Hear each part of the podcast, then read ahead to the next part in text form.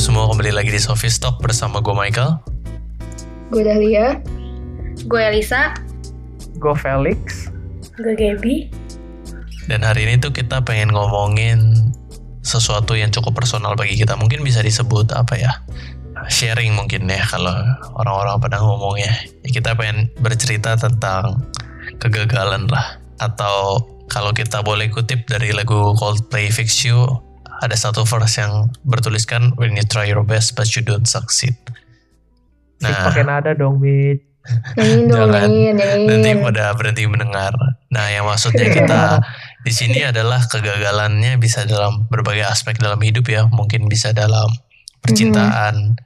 bisa dalam sekolah, kuliah, pelajaran, bisnis atau apa pun itu you name it lah. Yes, yes. Dan mungkin dari ada mm-hmm. teman-teman ada yang pengen bercerita nggak sih ini berbagi pengalaman? Gue ada nih. Ini benar-benar baru banget gue alamin kan.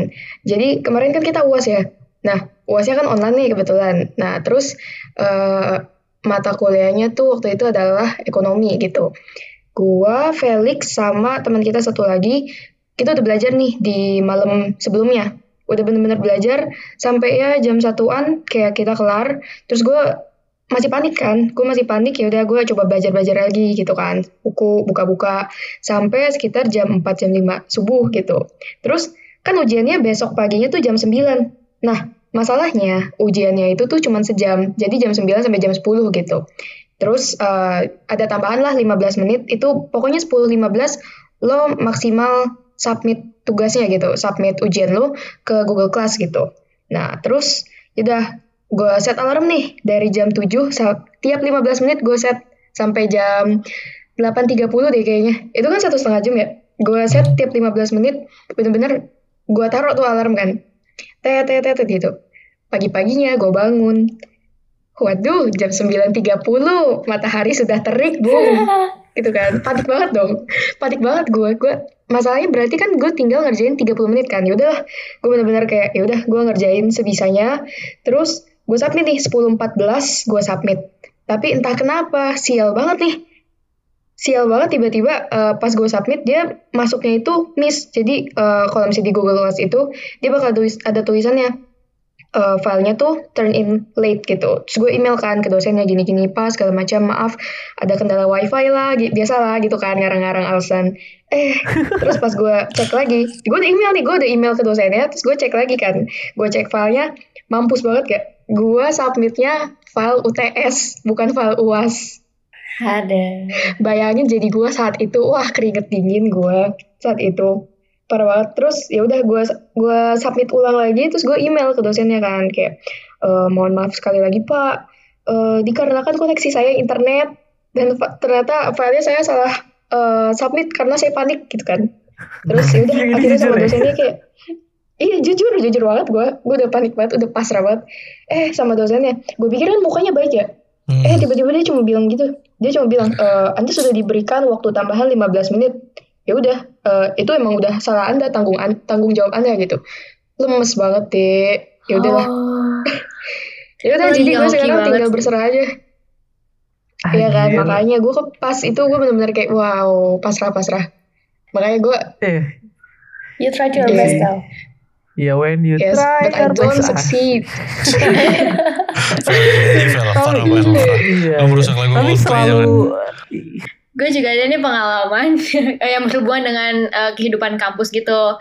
Jadi uh, di semester ketiga kita tuh di kampus kita tuh kayak ada mata pelajaran bisnis creation gitu di mana kita disuruh bikin bisnis gitu kan nah kelompok gue tuh ambil beauty dan value-nya itu kayak pewarna dari bahan-bahan organik gitu setelah kita research udah ada nih ternyata di luar negeri. Nah, jadi kita beli dong kayak buat dimasukin lab buat research uh, tahu bahan-bahannya apa, komponennya apa di dalamnya gitu kan.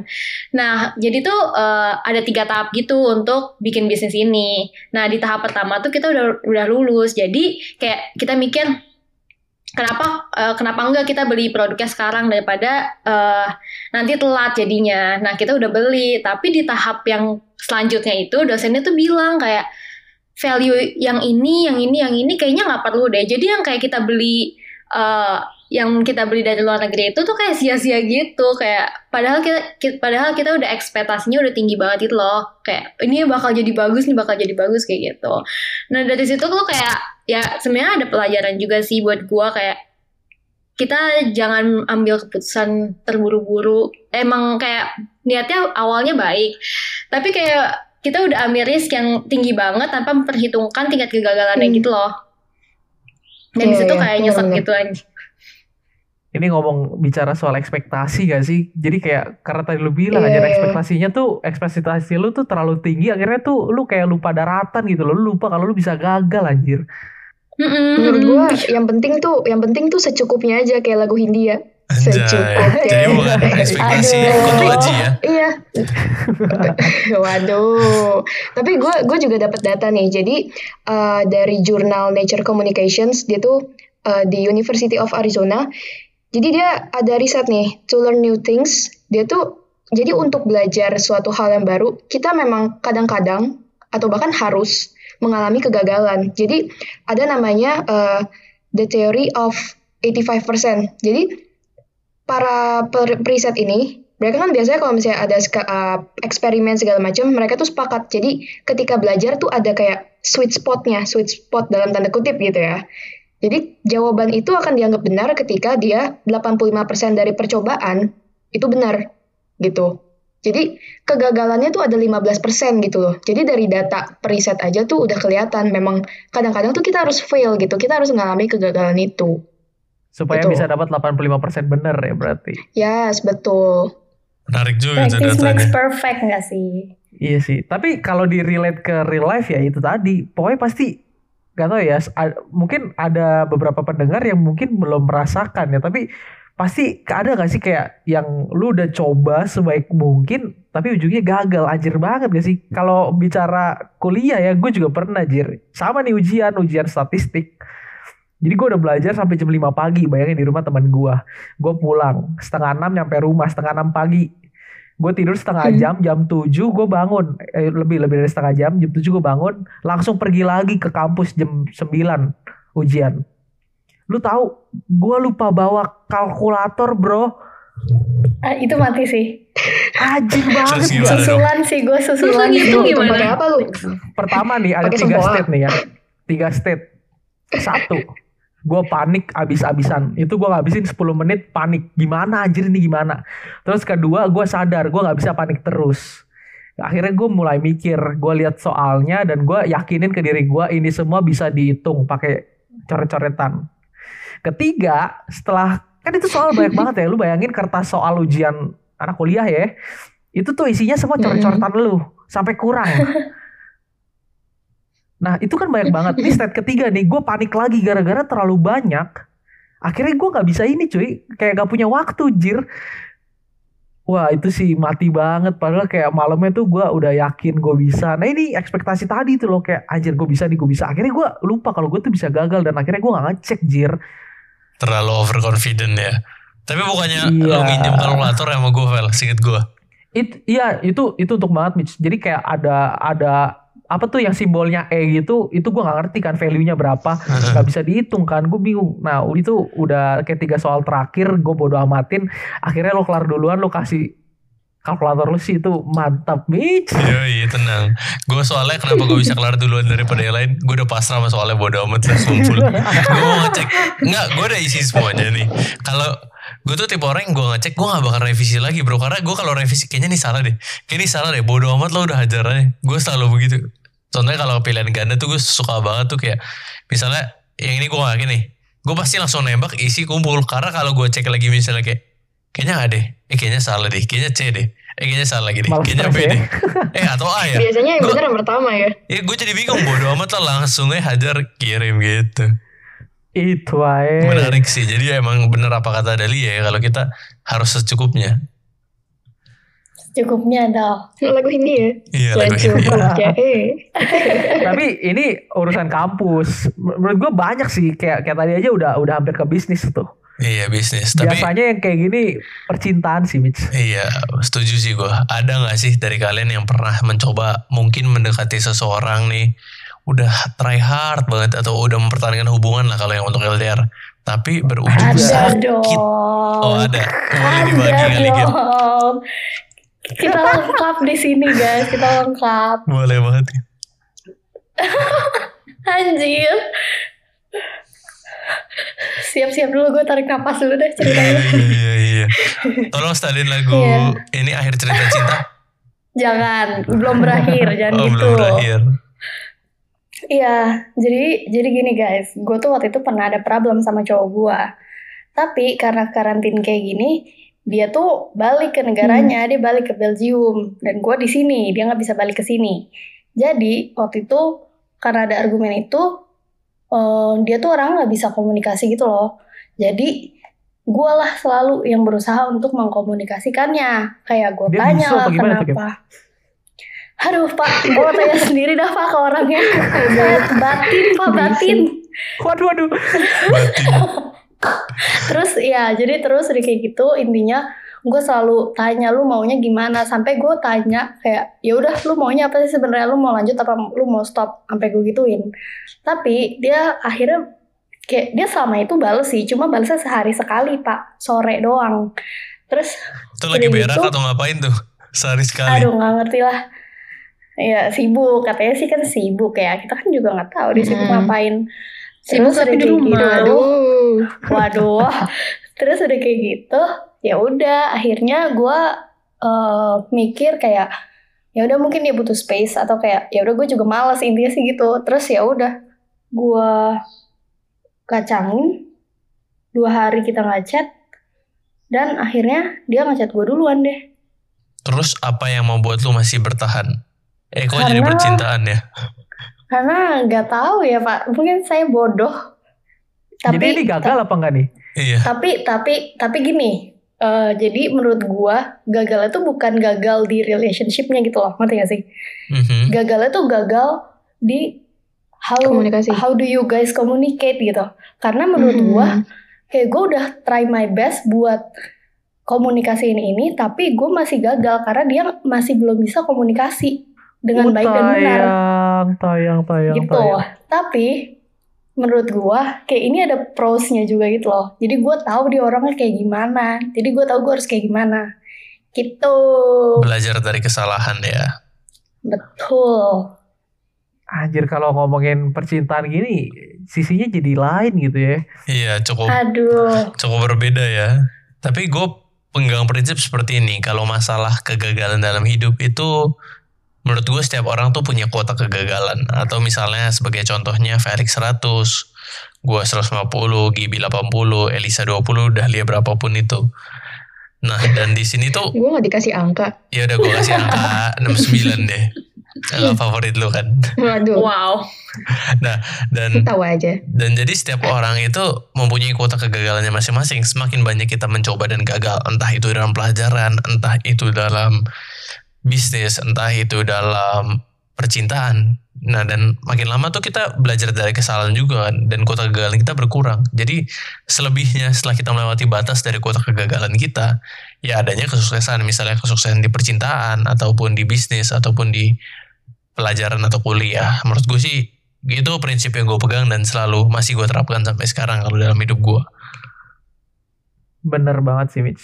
Kalau buat gue ya selain prinsip itu, gue juga mikir adalah gue ini masih muda. Rasa takut akan gagal itu gue kesampingin jauh-jauh banget. Karena karena saat lu gagal, lu bisa coba lagi karena kita masih muda, masih banyak waktu kita. Hidup lu juga hidup lu tuh cuma sekali, Bro. Kayak gue mau ngelakuin apa pun, misalnya kayak ada wacana nih tiba-tiba, ya udah gas. Mau bikin organisasi gas, mau bikin bisnis gas, Bikin podcast, Gua ta- bikin podcast gas. Gue beneran gak ada rasa kayak lu yakin nih ntar ini gimana ntar ini gimana. Ya udah kalau gagal coba lagi bro. Kita masih muda lu takut amat sama gagal. Ya tapi ini uh, berbicara di samping lu menghancurkan reputasi diri lu ya. Karena gue melakukan semua hal dengan baik, dengan sesungguhnya. Ya kalau gagal ya udah balik lagi ke yang tadi data yang si Dahlia bilang ya memang ada waktunya lu gagal karena dengan lu gagal tuh lu akhirnya bisa coba lagi dan hasilnya tuh akan jauh lebih baik karena ba- banyak banget cuy yang bisa lu bisa pelajarin. Tapi jangan sampai lu cari kegagalan ya. Nah ya. Beda cerita, beda Nih, cerita. Ini gua ini gua denger kayak gini, kayaknya cari gagal asik nih biar gue belajar goblok aja. Tapi gua ada satu prinsip lagi sih, kayak daripada lu yang gagal ya, mending lu belajar dari kegagalan orang lain. Kan ada tuh kata pepatah eh, apa tuh namanya orang pintar belajar dari pengalaman. Menurut gua orang lebih pintar, orang yang jenius belajar dari pengalaman orang lain. Lu nggak usah nyebur ke sumur buat bisa ngerasain basahnya nyebur ke sumur. Lu tanya aja ke orang yang nyebur ke sumur, gimana sih rasanya? Ya, poin gue di situ. Lu gali informasi segala semacam-macamnya. Ya tapi tetap aja jangan karena lu nggak mau nyemplung ke sumur, akhirnya lu nggak pernah coba nyemplung ke sumur. Iya, lu cuma gali informasi, ya udah lu nggak punya apa-apa, lu cuma punya knowledge yang akhirnya lu nggak pakai. Ya itu sih paling takutnya ya biasa kayak gitu kan jadinya mikirnya. Dan untuk para pendengar juga penting sih ini misalnya gue pengen nambah juga kayak tadi Felix kan dia selalu ngomong apa pun yang dia lakukan gas gitu. Kalau buka bisnis gas ya kalian juga harus mempertimbangkan segala sesuatunya lah jangan sembarangan ngegas juga. Misalnya kalian mau buka bisnis eh, budgetnya 5 juta dan duit kalian sisa 5 juta ya kalian bodoh itu namanya menurut gue seperti itu. Harus ada pertimbangannya juga lah. Ya, Nggak bisa Ya nanti jadinya kayak gitu gue guys. Oh, so sad. ya maksud gue ngomong gitu tuh adalah saat lu ada di field yang kayak misalnya contoh ya, gue ada di field kreatif, di industri kreatif dan ya memang pengalaman-pengalaman gue, informasi-informasi yang gue punya, knowledge-knowledge yang ada itu tuh ada di bidang itu dan bisnis tentunya karena gue kuliahnya bisnis. Ya, ya opportunity-opportunity yang datang kan pasti tentang itu dan akhirnya gue bisa make a decision kalau misalnya oke gue bisa coba ini Nah, yang gue bilang jangan takut gagalnya dan langsung gas-gasnya aja tuh adalah dia itu jangan sampai lu takut take the opportunity just because lu takut lu bisa gagal nantinya. Mantep banget, mantep Kayak banget. gitu. Sangat-sangat menarik ya. Iyalah gila lu. Namanya juga soft talk itu. Aneh. Anjay. Tumben banget ya kita Ya. bikin tema-tema kayak gini. Sangat pribadi. Gua Ada apa sih? Ya. Kenapa nih? Kenapa nih kita bikin kayak gini-gini? Buka-buka buka-buka aib, aib. Eh, gue ingat sesuatu, gue ingat sesuatu. Lex, Apa apa apa. Kayaknya lu punya cerita satu lagi, Lex. Oh iya, aduh. Jadi nih nih buat para pendengar, jadi awalnya kita bikin kita mikir mau bikin ini karena kita nih sofis ya sebenarnya baru mulai sih, baru aja apa ya baru aja mengalami Kegagalan. try your best but you don't succeed. Jangan nyanyi, jangan nyanyi. Kena copyright kita. Oh iya sorry sorry sorry. Jadi kemarin tuh kita mikir gimana ya kalau misalnya kita adain konten yang yang lebih berbobot dan lebih asik tentunya buat para teman-teman pendengar tentunya ya. Ter- ter- Terus kita juga mikir gimana cara kita dapat audiens lebih. Nah akhirnya kita mikir ada nih kenalan satu dari teman kita musisi lumayan terkenal, followers IG-nya banyak. Terus hasil-hasil musiknya dia juga udah bagus banget segala macamnya. Oke banget lah Ya, pokoknya. ya pokoknya kayak banget gitulah kayak ak- bisa bisa ngobrol bareng dia tuh udah udah oke banget gitu ya mungkin ini bicara ekspektasi ya anjir nih kalau ini jadi ya mungkin aja bisa kalau kata siapa itu penyanyi Indonesia panjat panjat sosial Siap. Banyak istilah beda di sini gitu. Lilin. banyak banyak banyak ada referensi musik banyak sekali di sini kan ngomongnya tentang musisi soalnya Oh iya iya. iya. Jadi kayak nah singkat kata ya kita rekam lah akhirnya berhasil dapat dia mau itu opportunity yang kayak nice nice banget gila akhirnya dapat gitu. Nah terus topik bahasannya pun itu sangat sangat sangat bagus ya nggak? Menurut lu iya nggak? Iya kan kayak kayak anjir ini teman-teman pendengar tuh bisa dapat insight sangat banyak gitu dari sini. Eh, ekspektasi naik lagi kayak ya semoga ini bisa bisa jadi batu batu loncatan Loncatan. lah atau kayak Hmm. stepping stone lah ya kayak gitu kan.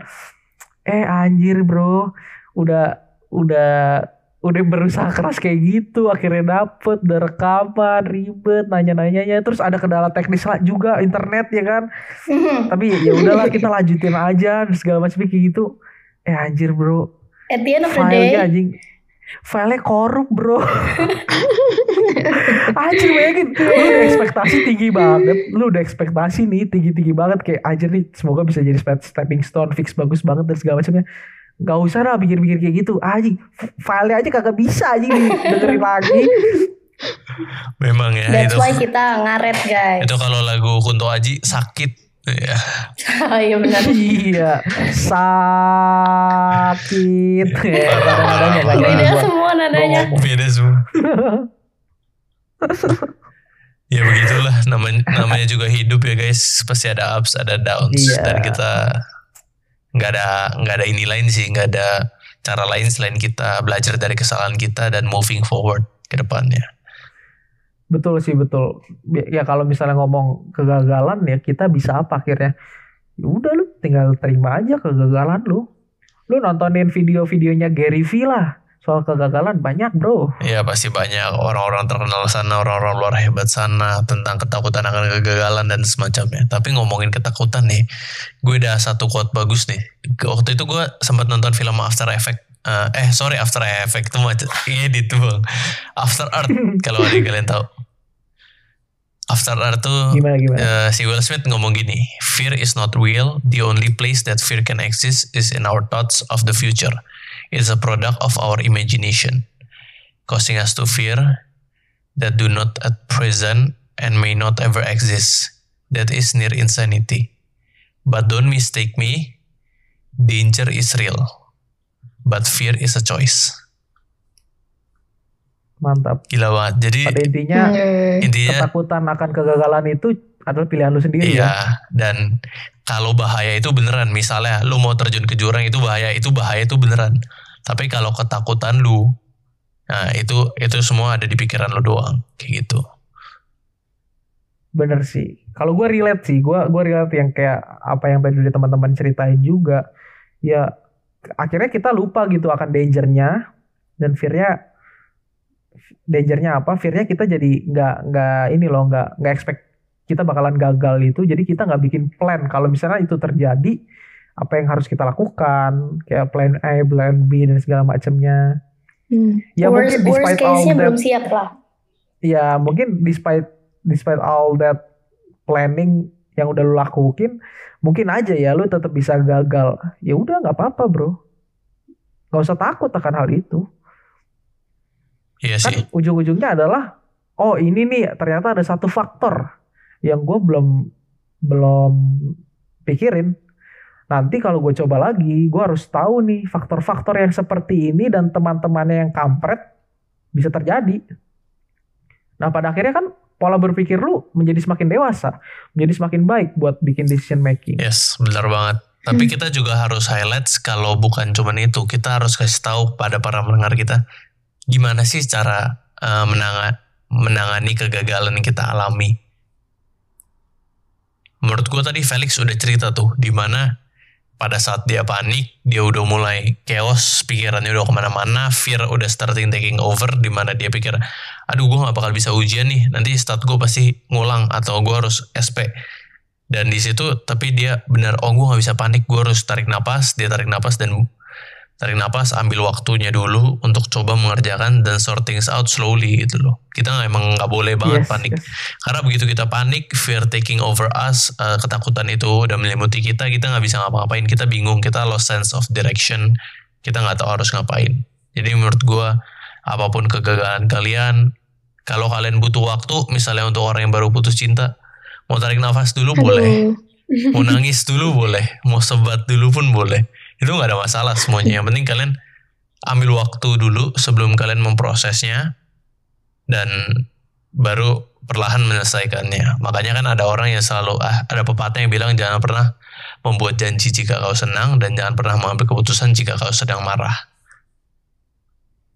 Karena ya betul betul Dan kalau kalian udah gagal tuh jangan di overthinking gitu loh kayak eh percuma dipikirin terus-terus-terusan mendingan kayak eh, what can I do next gitu dipikirinnya lebih ke arah situ Mm-mm. daripada kegagalan oh gue gagal gue gagal gue gagal kayak useless gitu loh menurut gue Iya betul betul kayak action selanjutnya tuh apa gitu loh. Mhm. It's okay kayak when I try your best but you don't succeed itu kayak nggak apa-apa kayak semua orang mengalami itu tapi apa plan lu buat ke depannya mungkin gitu kali ya.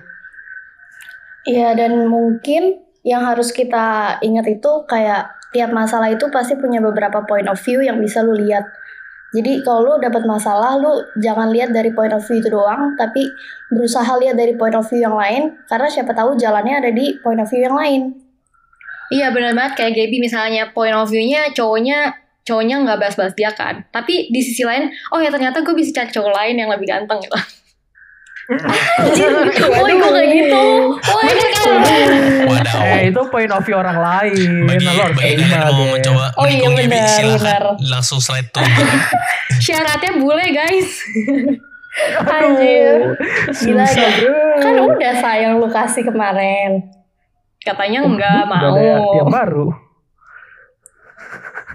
Ini inside jokes nih, inside jokes. Iya nih, inside jokes nih, parah dah. Eh, coba lu tebak. Kayak balik lagi ke yang Miss eh, Mitch bilang.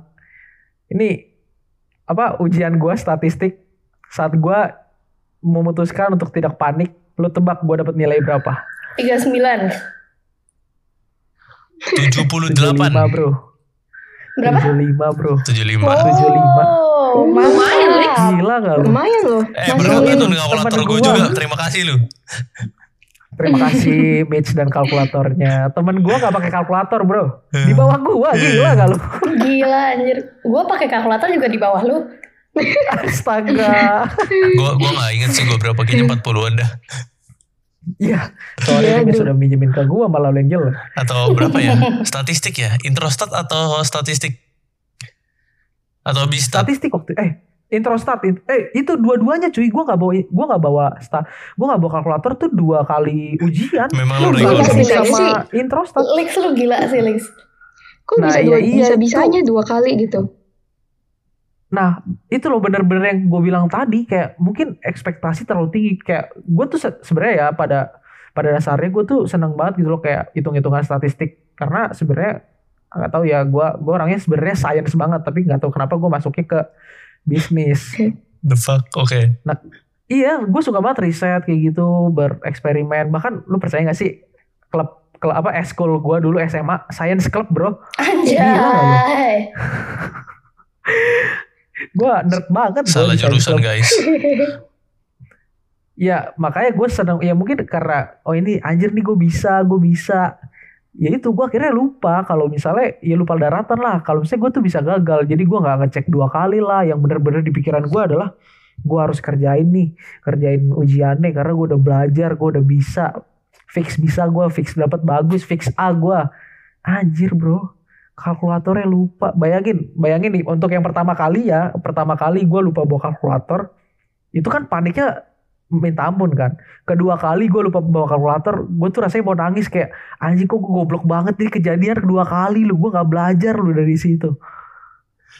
Berarti Ya untuk ujian berikutnya lu harus bawa kalkulator Vel. Tapi kayaknya udah gak ada sih kita. Enggak, Udah, gue udah saranin udah kalkulator lu selalu di tas sih. Sebenarnya ya kan selalu di tas, tapi gue malamnya belajar sampai pagi. Kan belajar pakai Oh, kalkulator I see. di meja belajar. Pada akhirnya lu tau nggak, gue ya inilah ini ini ini salah satu yang seharusnya kita pikirin juga ya. Saat lu udah pengalam, punya pengalaman itu dan action plan-nya lu ke depan apa buat prevent kegagalan itu terjadi. Gue prevent setiap kali ujian butuh kalkulator, yang bawa kalkulatornya bukan gue. Tapi temen lu iya, ini nih lu bawain dah biar gue gak ketinggalan atau apa. Benar, benar. Bisa, bisa. Iya, tapi tapi poinnya jangan diambil kegoblokan gue atau kemalasan gue nyelesain solusi itu ya. Maka malah akhirnya gue suruh Ambil temen gua- usahanya aja. Iya, ambil poinnya Iya, tuh. iya. Ya berusaha lah gimana caranya. Lu mikir gimana caranya nih kegagalan gak akan terjadi. Sama nih misalnya kayak kayak bisnis lah, kayak bisnis kayak Elisa lah contohnya. Gila nih gue mau ke investor contohnya nggak usah ke dosen ya kan. Lu Tadi kan ke dosen. Ini kita ke ke investor aja. Mau nyiapin value ini ini ini ini. Ntar kalau misalnya ditolak kayak waktu itu gimana? Oh ya udah siapin nih. Kenapa value ini bagus banget? Kenapa value ini perlu? itu benar-benar dirinciin jadinya yaitu kan akhirnya gara-gara lu pernah mengalami kegagalan itu ya sekarang lu udah udah ngerti banget gimana nih caranya menyiapkan value yang lu anggap bagus itu bisa kelihatan benar-benar bagus dan bisa dibuktikan gitu loh ke investor atau ke dosen misalnya iya iya menarik setuju sih sih ya setuju tapi gue masih kepikiran sama pernyataan Felix yang ini sih yang kita belajar dari pengalaman orang gitu loh ingat ya Mhm. Nah itu tuh gue gue masih mikirin kayak terkadang untuk beberapa orang mereka tuh belum bisa belajar dari pengalaman orang gitu loh karena mereka saking penasarannya sama untuk melakukan hal itu baru ketika mereka gagal eh, dengan diri sendiri mereka lakuin itu dan gagal mereka baru tahu lessonnya gitu loh karena biasanya baru puas. Un- untuk iya baru puas. Dan misalnya kayak eh, untuk anak kecil deh mereka dikasih tahu eh, kalau naik pohon itu eh, bakal jatuh dan sakit gitu misalnya. Nah eh, tapi mereka ng- nggak nggak dengerin orang tua kan. Tapi ketika mereka jatuh dari pohon itu mereka baru oh iya ini namanya sakit gitu. Mereka baru tahu dan Hmm. realize oh ini eh, rasanya loh kayak gitu. Menurut gue sih mendingan belajar dari diri sendiri walaupun emang ada beberapa pengalaman yang bisa dilihat dari orang lain kayak gitu. Betul. Nah, sebenarnya ya kalau misalnya ditanya kapan gue mulai menganut kepercayaan itu, itu juga baru-baru cuy. Gak, gak saat gue SMA bahkan. Tapi itu udah gue gua mulai kuliah, udah mulai beranjak dewasa, udah mulai menjajaki dunia dunia dunia brengsek inilah pokoknya gitu ya. Menurut gue eh, titik di mana gue bisa bisa bilang hal seperti itu adalah saat gue punya empati dalam diri gue kalau lu nggak punya empati, lu nggak akan bisa belajar dari pengalaman orang lain. Menurut gue itu ya, karena bener banget kayak dari dulu juga ah, bo, ah mana ada sih ah, jatuh dari pohon sakit, ya lu belum ngerasain so- soalnya. Nah tapi pas kita udah ngerasain, kita udah tahu rasa sakitnya itu, ya udah kan kita ngerti kan akhirnya.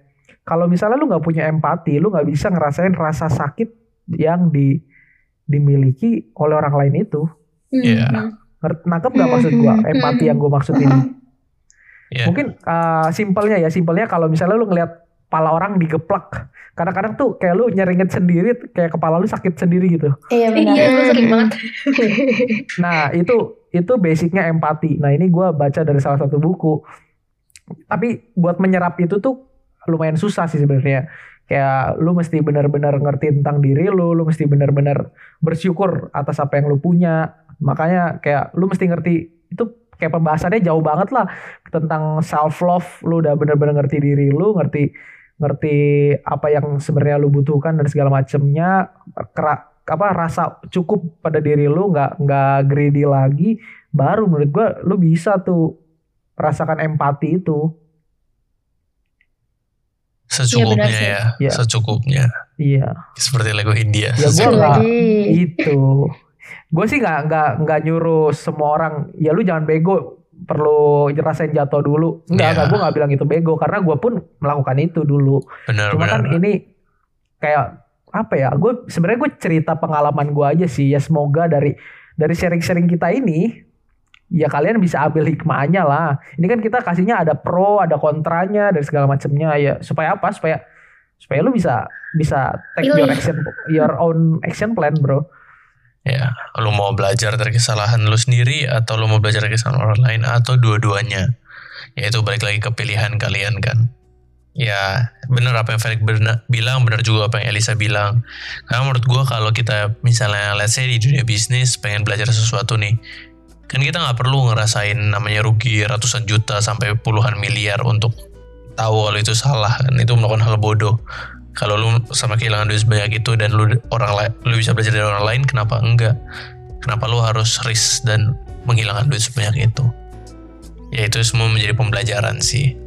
Dalam sekali pembahasan hari malam ini. Lumayan dalam. Nah jadi itu aja sharing dari kita sih dan kalau kalian punya cerita mau kalian bagiin bisa langsung DM kita juga di @surface.id kalau kalian punya cerita dan kita kembaliin lagi seperti biasa semua ada di pilihan kalian dan jadi menurut kalian gimana? Gue Michael dari Sofis sampai jumpa kalian di next episode. Bye. bye bye Bye. When you try your best but you don't succeed